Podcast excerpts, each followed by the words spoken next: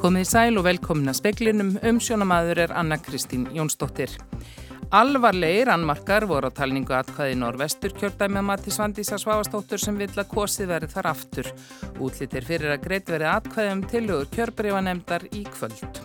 Fundir undibúningsnemdar fyrir hans og kjörbrífa stóðu í 125 klukkutíma áður nú skilaði greinagersinni. Engin bar skað á gagnasöfnun vegna ferðagjafurna, segir ferðamálar á þeirra en ráðunitið uni niðurstöðu personu vendar. 27 léttust og þar á þrjú börn þegar flóttafólk reynda að komast yfir Ermarsundi í gær. Máli varpa ljósi á stöðu flóttamanna sem brettar og frakkar takast nú á honum. En Svandís Svavastóttir, heilbyrðisráþra sem situr í kjörbyrjunemnd, segir að þessi staðreinda alvarlegir annmarkar hafi verið á framkvæmt talningarinnar í norvestu kjördami.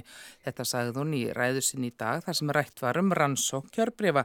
Jóhanna Vigdís Hjaltadóttir er á alþingi og hvað er málið statt núna?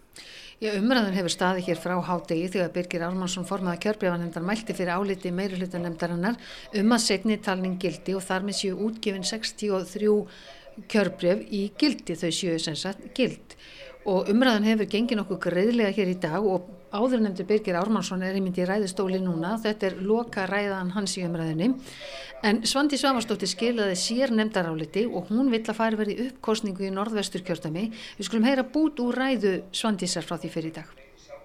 Fyrir liggur sem sé að það voru alvarlegir annmarkar og framkvæmt talningar í norðvestu kjörtami þar að segja ótrygg varvisla kjörgagna í opnum sal og umferð oddvita kjörstjórnar við eh, kjörgögn í einrúmi.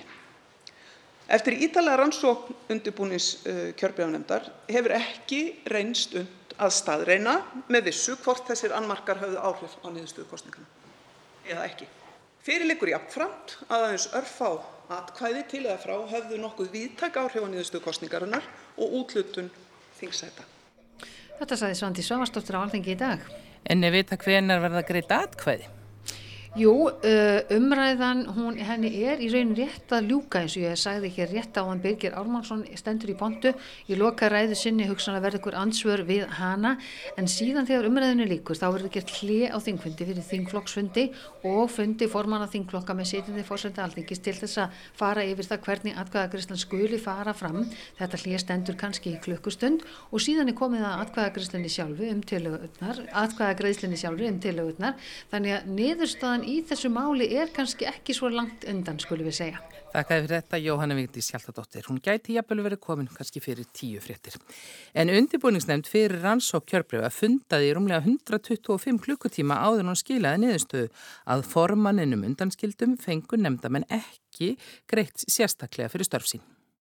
Nemndin kom fyrst saman þann 4. oktober og sagði formaður nemndarinn að þá að hún þyrti nokkra fundi til að ljúka störfum. Þeir urðu öllu fleiri en það því þegar upp var staðið urðu fundunir 34. Afraksturinn, rúmlega 90 blaðsina greinagerð sem alþengi fellarum í dag, var afhendur kjörbrefa nefnda á þriðu daginn. Alls fundaði nefndin í 125 klukkustundur og 11 mínútur. Styrsti fundur nefndarinnar tók einungis 5 mínútur en sá lengsti 9 klukkustundir. Á meðan sátu aðrið þingmenn heima og byði eftir því að nefndin leiki störfum. Nefndarmenn fengu ekki aukala greitt fyrir störf sín að undanskildum formanninum Birgi Ármannsinni sem fekk 15% álag á þingvarakaup eða tæplega 193.000 krónur sem er það sama og formenn annara þingnemnda fá. Nemndina skipuðu nýju þingmenn og tveir áhernafulltrúar. Samkvæmt samantækt alþingis sóttu fjórir þingmenn alla fundina 34. Þau Birgir Ármannsson, Línek Anna Sævarsdóttir, Svandi Svavastóttir og Viljálmur Árnarsson. Allir fastir fulltrúar sóttu 31 fund eða fleiri að hönnu Katrinu Fridriksson undarskilinni sem sótti 28 fundi. Hún var hins vegar áhernafulltrúi og hafði sem slíkur ekki mætingaskildu. Sigmundur Davíð Gunnlaugsson var tilnefndur áhernarfulltrúi miðflóksins í nefndinni en mætti ekki á neitt fund. Á þriðudaginn byrtist tilkynning á vef altingis að Sigmundur Davíð er í leifi frá þingstörfum og tekur Anna Kolbrún Árnádóttir sæti hans á meðan. Magnús Geir Ejjólfsson tók saman. Ferðamála ráð þeirra segir að ráðuneytið hafi bröðist við þegar ljóst varða að óska var meiri upplýsinga frá þykjendum ferðagjafarinnar en heimild var fyrir. Gagnaöflun með ferðagjöfinu hófst áður en lög tóku gildi sem heimiluð hluta þeirrar gagnaöflunar. Önnur slík fóð svo fram án þess að nokkur tíma væri heimil fyrir því. Þetta er meðal þess sem kemur fram í ákverðum personu verndar um stæstu stjórnvalsekt í sögustofnunarinnar. 226.000 einstaklingar sóttu ferragjöfina og fengu ofullnægjandi fræðslu um forritið og notkunn þess. Skilmálar ferðagjafarinnar voru enn óaðgengilegir notendum iPhone átta mánuðum eftir að smáforritið leitt fyrst dagsins ljós. Personvernd sektaði atvinnuvega og nýsköpunaráðuneytið og hugbúnar fyrirtæki Jæ um halva 12 miljón vegna brota gegn grundvallarreglum personverndalaga. Ekkert likur fyrir um að fólk hafi orði fyrir tjóni vegna málsins en fjöldi fólks þurft að samþykja mun meiri aðgang forritsins að síma sínum en þörf krafði. Hamágangi við að koma ferðagjöfin í gang er kentum brotin en ekki brotavilja. Atvinnuvega og nýsköpunaraðnetið bar við neyðarástandi en personuvernd gaf líti fyrir þau rauk. Þórtís Kolbrún Reykjörg Gilvardóttir ferðamálar á þeirra segir að bætt hafi verið og mannlegum mistökkum við fyrsta tækifæri. Þarna var óska eftir upplýsingum annars vegar um aldur og hins vegar um kín. Það stóð yfir í þrjá daga en þessar upplýsingum voru aldrei nýttar. Gögnunum var eitt og það likur fyrir að, að hérna, enginn hafa orðið fyrir neinu tjóni vegna þessa.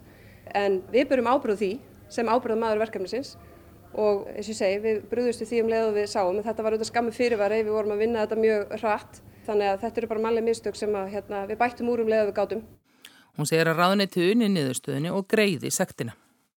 Já, ráðneiti er ekki að fara í dómsmál vegna þessa. Þetta er niðurstöða persónavendar og eins og ég segi, það, það lág fyrir og það var bent á það að þarna væri verið að byggja um upplýsingar sem engi fyrirmælu voru gefunum að byggja um og það, það var lagfært almennt er einu þeirra skoðunar að personu vend og, og personu bara friðhelgi einstaklingsins að almennt að njóta vafans þegar kemur að samskiptu við ríkið, þannig að ég er ekki að gera aðtöðsendu við það. Saði Þórdís Kolbrún Gilvadóttir. Stjórnendur landsbítalans fundu í dag með ennbætti landlagnis um fyrirverandi lækni á heilbyrðistofnun Suðunesja sem hefur stöðu sagbortnings í rannsókn á sex andlótum talir þau hafi boriða með sagnæmum hætti en læknirinn starfa nú á landsbítalanum. Hann var sviftur starfsleifi, er nú með takmarkaleifi og starfar undir eftirliti. Lauragla rannsakar líka með þær fimm annara sjúklinga sem raukstötur grunnur um að hafa verið skráður í lífsloka með þeirra tilöfnislausu. Frettir af umfangi málsins komi bæði landsbítalanum og landlækni á óvart var því búða til fundar í dag og áfram fundað á morgun. Ríkis lögmaður og Filipsegjum er andviður því að blaða konan Marja Ressa fái að fara til Ósluar til að taka móti friðaverlunum Nobels í næsta mánuði. Hann óttast að hún snú ekki aftur heim. Marja Ressa er einn af stopnöndum Filipseiska fréttaveifirins að rappler.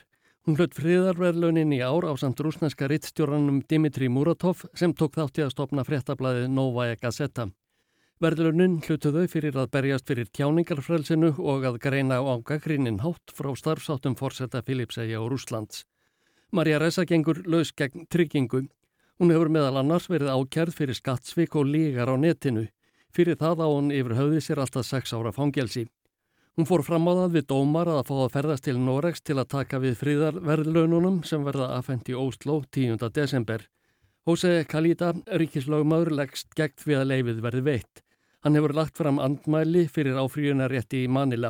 Að sögn AFP fréttastofunar sem hefur séður aukstuðningin kemur fram að Ressa hafi með fréttaflutningi sínum síntu dómskerfi Philips segja lítilsverðingu og því sé hætta á að hún snú ekki tilbaka.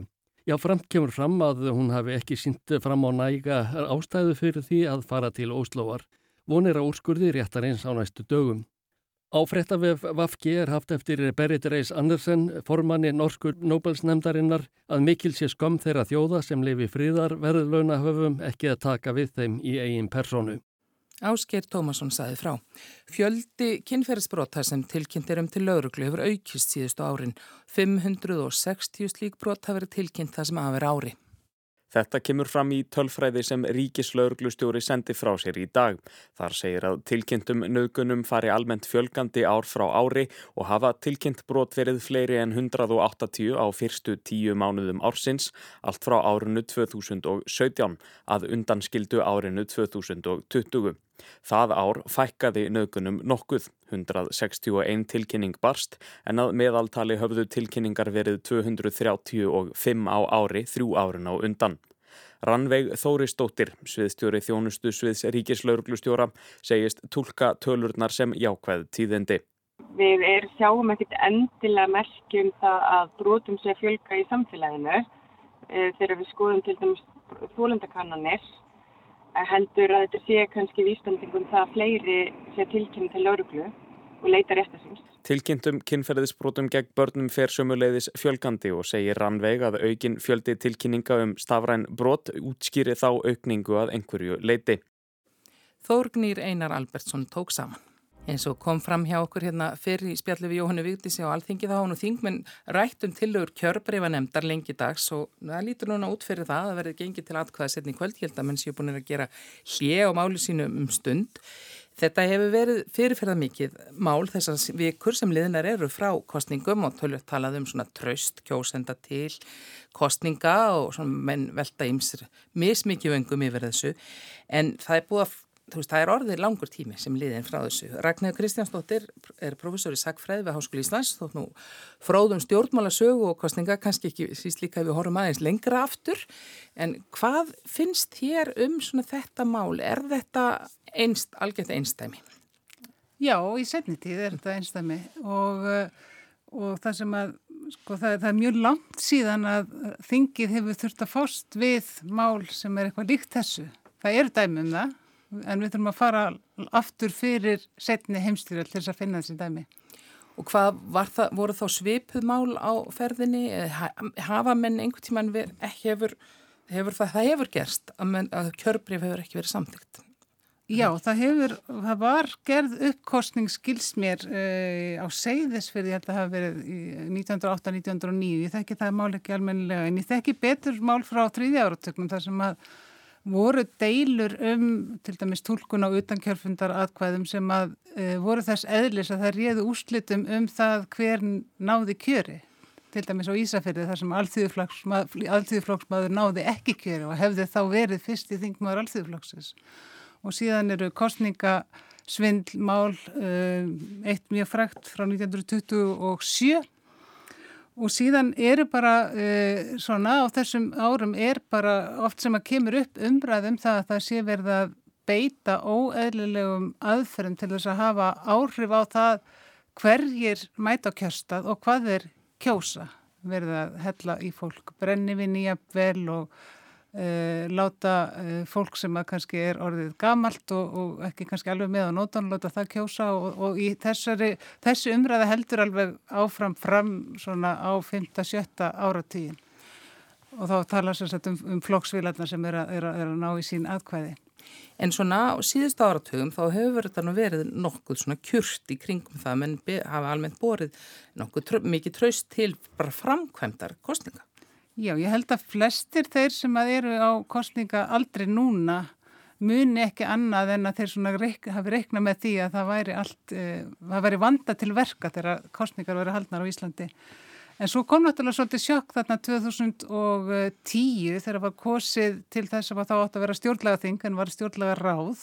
Þar var kerð framkvæmt kostningana og, og það fór allavega í hæstarétt og ákveðið að, að það skildi ógilt. En þetta er, en ég hugsa samt að við höfum ekki verið viðbúin þessu að, að það kæmu upp þessar evasemtir um framkvæmt alþingiskostninga. Hm. Ég hugsa, hugsa að það hefði komið flestum óvart. En nú hefur þetta komið fram samt að það er búið að fara mjög gömgjafilega í gegnum atbyrðarásina en svo eru menn bara ekkert á eitt sáttur um það hvernig eigi að tólkana og það hvort þetta þýði að það hefði niðurstan hefði orðið önnur og kannski stefnir svona svolítið í það samt að það verði svo bara núna samþygt kjörbreyf þessara 63 þó við getum ekki, atkvæðagreyslan er ekki búin þannig að við vitum ekki alveg hvernig hún fer en er þetta sko, hvaða áhrif heldur þetta hafi svona bara á almennt á, á tröstið? Þetta er, ég held að þetta sé alvarlegt atvik að við mögum hérna, grípa til frasa sko, ég held að þetta er, hérna, þetta er, þetta er sjokk eins og þetta var með stjórnlaðingi 2010 og þetta er sjokk aftur núna að, að við getum ekki alveg gengið út frá því að það hefur alltaf allt gengið slett og fælt fyrir sig. Þannig ég held að það sé alveg ljóst að það verður einhver umræði kjölfarið og, og, og við erum vissum það núna að það verður ekki einhugur um þetta á alþingi, það verður ekki afgreitt í sátt þó að nefndin sem að vara vann þennan undirbúning hefði eftir því sem ég skilst reynd að, að komast á sæmiðlinu niðurstu þá gekk það ekki. Og það uh, eitt og sér verður vantilega til þess að það þarf svona að fara yfir mál og hugsa hvort það þurfi að, að breyta verkfællum og eitt af því sem eru auðvitað sérstaklega nefnt í því samhengi er þetta með hvort það þurfi að breyta lögunum þannig að alþingi sé ekki sjálft að dæma um eigið hæfið, þetta er aldingismennir um, e, Þa, það er náttúrulega eitthvað sem að menn, menn segja bara hver á þá að gera það, geta menn sagt líka sko, hver eru það sem eru betur til þess bærir, heldur en þingmennir sem hafa verið kostnir, hvernig eigum við að hafa þetta frekar? Ég kann ekki að segja frá því, en það eru þetta, eh, mér skilsta umræðan út í hinnum stóra heimi og maður þetta Dónstól Evrópu hefur svolítið verið að taka þá línu að, að þau þing sem eru með þetta fyrirkomulega, að það sé svona ekki æskilegt Þannig að það þarf þá bara að horfa til þess hver, hver er svona besti praksis í öðrum löndum sem eru með annað fyrirkomulega. En auðvitað erum við núna, er ég beðið að sagfræðingin að rýna í framtíðina en ekki fortíðina, en, sko, en það, það er svona þetta á eftir að marka þetta kjörtímbil heldur maður einhvern veginn eiginlega alveg sama hvernig ferður, fer mest auðvitað auð, verður auðvitað ef að þó það séu ekki alltaf mikla líkur á því að við erum samtidig bara kjósa allstaðar aftur sem er nú kannski ólíklegasti kosturinn í þessu en það er svona það er samt ekki kannski ekki alveg hrein flokkslína í þessu eða menn, menn svona velta vengum yfir því hvernig, hvernig þetta fari og hvaða áhrif þetta hefur á svona Já, á þetta sem við nefnum alltaf aftur og aftur tröstið. Já, og það, það er við, þetta býðum mjög spennt eftir því að sjá hvernig þingmenn greiða aðkvæði núna, hvort að fólk fari. Mér skilst að nú sé gert hlið til þess að þingflokkarnir ræðir saman um svona aðkvæðagreisluna, einhvern veginn stilli saman strengið eða svona meldið umræðuna og, og það verður aðdeglisvert og fróðlegt að sjá hvort að það verður kosið eftir flokkslínum eða ekki. Að, hérna, já, í hennum fullkomna heimi þá er þetta ekki flokkspól, á þetta ekki vera flokkspolítiskt mál en, en það er náttúrulega erfitt að... Það er, reyndar, það er náttúrulega þegar ljóst að það er ekki alveg eh, samstæða þvert að minnskvæmstu þannig á ríkisstjórnarflokkarnir og stjórnarandstaðan, þar er línunar ekki klárar. Nei, og svo það sem, er, það sem ég svona var að hugsa á þann að þetta er búið að taka mjög langan tíma þetta ferli en síðan hafa þingmenninni sjálfur mjög stuttan tíma til að taka ákvarðunum það hvernig þeir ætla að greiða aðkvæði og það heyru við kannski, kannski kvöld en ábyggil líkast til á morgun hvernig fer. Þakkaði fyrir Ragnhjörg Kristjánsdóttir, professor. A Christmas season A joyful reason To click and choose Your gifts and boost Netverslunin Boost kom inn á íslenskan markaði sumar og síðan hafa auglýsingarnar dunið á landsmönum í útvarpi, sjónvarpi á netinu, á strætóskílum og flettiskildum. Og nú svo auðvitað vegna svarts förstu dags. Íslenskur forstjóri netverslunarinnar vill ekkert gefa upp um hlutdeild verslunarinnar á markaði hér en segir viðtökurnar hafi verið góðar. Verslunar eigendur og Íslandi þurfi þó ekki að örvænta. Herman Haraldsson, forstjóri fyrirtækisins og aðeirir stopnendur eru allir með bakgrunn í auglýsingagerunum. Þessi mikla áhersla sem lögður á auglýsingar kemur því kannski ekki óvart. Já, við gerum það af því að það virkar sko. Það sé mikið lagt upp úr auglýsingaherrferðum í byrjun en bráðlega fari fyrirtæki líklega að draga úr þessu. Já, við komum ekki til að, ekki til að halda áfram svona mikið sko. Fyrirtæki var stopnaru 2007 og var fyrstum sinn bara lítið sprótafyrirtæki í miðborg Malmu. Árið 2011 var Herman Haraldsson fenginn til að stýra því inn á nýjar brautir, breyta viðskiptamódelinu og koma því almennilega á koppin. Það er í dag einn stærsta netverslun á Norðurlöndum Meðal stærstu fjárfestæði eru lífyrirsjóðurinn Danica Pension og eignastýringarfélagið BLS Capital. Herman segir að fyrirmyndin sé stórverslun á borðið magasindu Nord í Kaupmannhöfn, bara á netinu. Þetta er ekki vörumiðlun, heldur eru allar vörurnar sem seldar eru í versluninni keiftar inn. Á lagarnum eru yfir 8 miljónir vara og vörumerkin skipta hundruðum. Fyrirtæki leggur mikið upp úr hraðri sendingu, vörurnar eiga að skila sér til neytenda viðsvegar á Norðlöndunum á tveim til þremur virkum dögum. Til þess að flýta fyrir komu Herman og félagar árið 2017 upp stærsta vöruhúsi á Norðlöndunum. Það er 78.000 fermetrar og 700 róbótar eða þjarkar skjótastar fram og tilbaka með sendingar. Og ef við erum ekki með þetta róbótlaði þá myndum við þurfum millir 4 og 500.000 fermetrar. Stærsta áhættan í rekstrunum er að reyna kaupin réttar vörur. Þar nýtir fyrirtæki gögn til að sirka út hvað neytendur vilja og hvað ekki. Netverslanir hafa sumar verið gaggrindar fyrir fatasóun að senda þau född sem skilað er jafnvel beint í urðun eða brennslu. Herman þvert tekur fyrir að það sé raunin hjá búst. Allt selst, við brennum ekki nýtt. Vörurnar komi tilbaka á lagarinn og setnar aðti það sem ekki selst í svo kallað átlett netverslun með eldri vörur. Og markmið fyrirtækisins er einfalt. Við höfum bara okkar markmið að stakka eins, rætt og hætti. Sko. Herman segir fyrirtækið vaksa hraðar en breski netverslunarísin ASOS, já reynar meira en flest fyrirtæki í Norður Evrópu sem eru svipuða stærð. Í fyrra namn vöxturinn 28% og hann reikna með því að í árnefanum 30%. Fyrirtækið skráði í sænsku kaupullina og velteri sokn Hermanns um 5,6 miljardum sænskra króna á árinu eða rúmlega 81 miljardi íslenskra. Til samanburðar velti fataverslun á Íslandi tæpum 36 miljörðum á síðasta ári og vefverslunin þar af 3,7 miljörðum. Herman telur að íslenskar fataverslanir þurfi ekki að örvænta. Einu þau þurfi ekki oftast okkur að það er alltaf netu verið aldrei, aldrei stertil hlutuna. Getur ykkur sagt um hver veldan hefur verið hér? Uh, nei, jú, ég get alveg, ég bara vil það ekki. Markaðs rannsóknarfyrirtæki Prósent kannaði nýlega hvar landsmenn heiðust kaupa jólagjáðnar í ár. Flesti rekna fastlega með því að versla í kjöteimum hér á Íslandi, rúmlega nýja hverjum tíu. Yfir helmingur ætlaði að versla í íslenskum vefverslunum en tæpur þriðjungur í erlendum vefverslunum. Svafa Jóhansen eigandi tískuveldisins NTC hefur sjálflagt aukna áherslu á að byggja upp vefverslun og hún óttast ekki risanað utan. Þetta er náttúrulega aftsangjarni en erlend eh, vefverslun er ekkit nýtt að nálinn hérna á Íslandi. Það hafa verið fleiri starfandi í þó nokkuð langa tíma eins og til dæmis ASOS. Ég er ekki týrst að ef að þessi verslun eh, búst, þessi online verslun sé að taka svolítið frá ASOS um, því að, að það var orðið stórt hlugat sem að, að var vestlað þar með heildarsölu á Íslandi. Hún segir Íslensk fyrirtæki hafa farið svolítið seint af stað með að koma upp vefverslunum en það hafi verið mikil þróun og vöxtur síðastliðin tvö ár. Mörg af þeim vörumerkjum sem NTC selur eru líka til sölu hjá búst en Svafa segir það ekki komað sög. Það hefur ekki verið mingun hjá okkur, það er hins vegar aukning. Hún veltiði jafnvel upp hvort það séu samlegðar áhrif, hvort auglýsingar búst hjálpi til við að vekja aðtikla á vörum sem NTC selur. Svafa segist halda tryggð við íslenskar verslanir, hún vilja jú ekki missa þær, það sé þó mikilvægt að neytendur hafi val.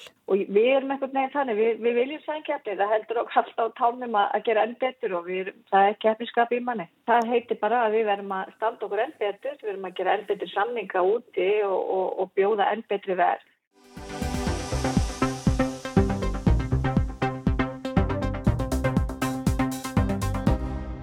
Eftir hádegi gær tilkynnti franskur fiskibátur að uppblásin bátur maraði í hálfu kafi í sjónum út af kalli og það væru lík í sjónum. Það reyndust lík sjökvenna, þryggja ungmenni eða batna og sögtjón kallmanna. Tveimur mannum var bjargað og þeir liggja þungt haldnir á sjúkrahúsi.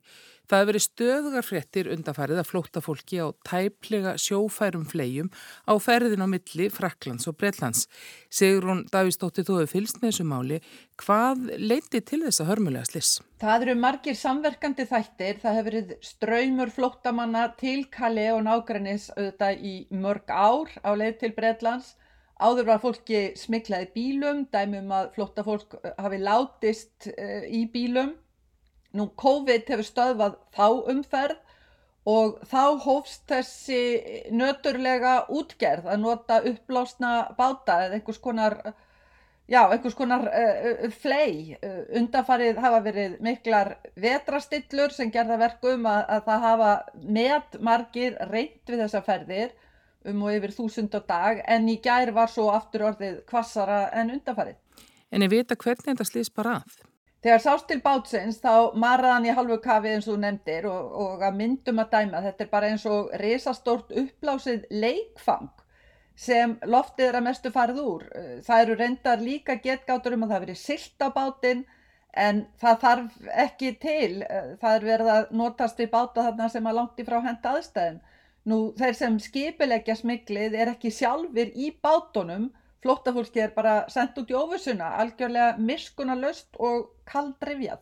Er vitað, já hvaðan þetta fólk kom eða hverja þjóður það er? Það verðast verið nokkuð kurtar, bæði frá Írak og Íran. Eh, þeir sem lifðu af eru frá Sómali og Írak. Nú ábyrjandi margir á þessari leið um Fraklandi Breitlands eru frá Eritreu, Íran og Sýrlandi, kannski af því það er vitað að flótamenn frá þessum löndum hafa töluverða möguleika á að fá hér hæli. En flótamannavandin við Kalli, hann hefur verið viðvarandi mörg ár og af hverju? Annars vegar viðvarandi vandi í löndum eins og Sýrlandi, Írak, Íran og svo núna Afganistan.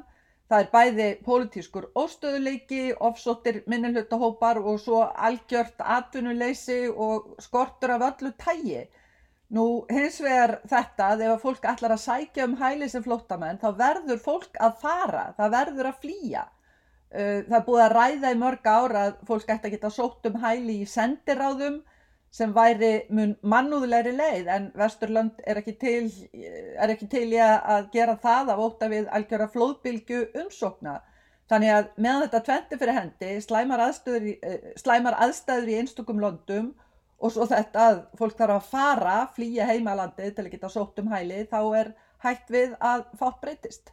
Flótamannavandin hann nátti svona sinn þátt í því að meiri hluti breskra kjósanda á hvað ganga úr Evropasambandinu 2016 og lofarið var eiginlega það að breytar getur betur tekið á sem málum sjálfur en nú er vandin eiginlega verið en nokkru sinni. Hvað skýr það? Það sem laðist að útskýra 2016 og reyndar allakotu síðan er að það er útilokað fyrir einhverja eina þjóð að ná tökum á þessu máli. Allir innaríkisráþerar í ríkistjórnum íhjálpsflokksins síðan flokkurum kom til valda 2010 hafa lofað og lofað að taka á þessu, stöðva þessa, uh, stöðva þessa umferð. Það var ákveði fyrirkomulag við líði þangar til lók síðast árs þegar að ESB lögjöf gilt ekki lengur í Breitlandi þar að segja fyrirkomulag þar sem að, sem að brettar voru aðilar að í raunni Europulögjöf Nú með þessu fyrirkomulagi sem var þá var allavega hægt að ræða málinn og grípa til sameinlegar aðgerða. Núna er, samvinna, eh, núna er ekki svo samvinna sem þyrtir til dæmis gegn þeim sem skipuleggja ferðirnar. Skipulegð glæpastarf sem eh, þar að baki mjög oft og það háir brettum að Brexit sviftið á aðgangi að Európulauruglunni, brettar dotnir út úr, uh, út úr henni Uh, og sambandi millir breyta og frakka og breyta og ESB er líka styrt vegna annara óleistra mála og allt þetta hjálpa til. Ég breytar og, og frakkar þeir svona þrátta um það hvað sökin liggur og hver eigi að koma í vekk fyrir þessu umferð. Já, breytar saka frönsk yfirvöldum að horfa aðgerðalös á bátana, leggja frá landi og samborgi breytar að hluta fyrir þetta eftirlit, er borgarfrokkum fyrir. Það var hægt að nota dróna og flugvila til eftirlits eh, og senda lauraglu á strandina og eh, strandgæslu báta til að snúa bátunum við og breytar bjóðast líka til að senda sína eigin lauraglu til aðstóðar. En hverju svara frakkanir? Þeir benda á að strandlengjan þarna séu um 200 km og algjörlega borin vonað gæta hvers fermeters. Þegar að bátur er komin í sjóin þá er alltaf hættulegt að ætla snúinu við og það stangist svo líka á við fullveldi að bresklaurugla starfi í Fraklandi, það týðkist alls ekki. Nú frakkar segja líka að brettar verður bara horfið í eigin barm, það sé alltaf auðvelt að vera ólöglugur innflytjandi í Breitlandi og auðvelt að fá vinnu, meðal annars að því það er engin þjóðskrá í Breitlandi og það gleymist svo líka að frakkar eh, og reynda líka þjóðverjar, spanverjar og grekkir taka móti mun fleiri flóttamönnum en brettar, þannig að þetta er ekki endilega vandamál sem að, að er eitthvað erfiðast hér. Og svo þetta sem sagt að, að það er mjög sjaldan nefnt að, að, það, e, að þetta að hafa enga þjóðskráð það flækir málinn verulega. Breytar kall eftir snöggum lausnum en það er hægt við þessi ekki til og já áfram báta umferð í dag þráttur í slísið í gær og, og það er hvers viðri á sundinu í dag saði Sigrún Davísdóttir. Það verður norðan strekkingur eða allkvass vindur í kvöld og nótt, stormur eða ofsaveður á söðausturhóttninu og þar tekur appelsínugul viðvörungildi í nótt. Jél norðan til en bjart siðra, dregur svo jamt og þéttur vindi og ofan koma morgun, breytilega átt og víða létt skíðað setnipartin og veður fer kólnandi. Fleira er ekki í speklunum í kvöld, tæknimaður var Magnús Þorstein Magnússon, veriði sæl.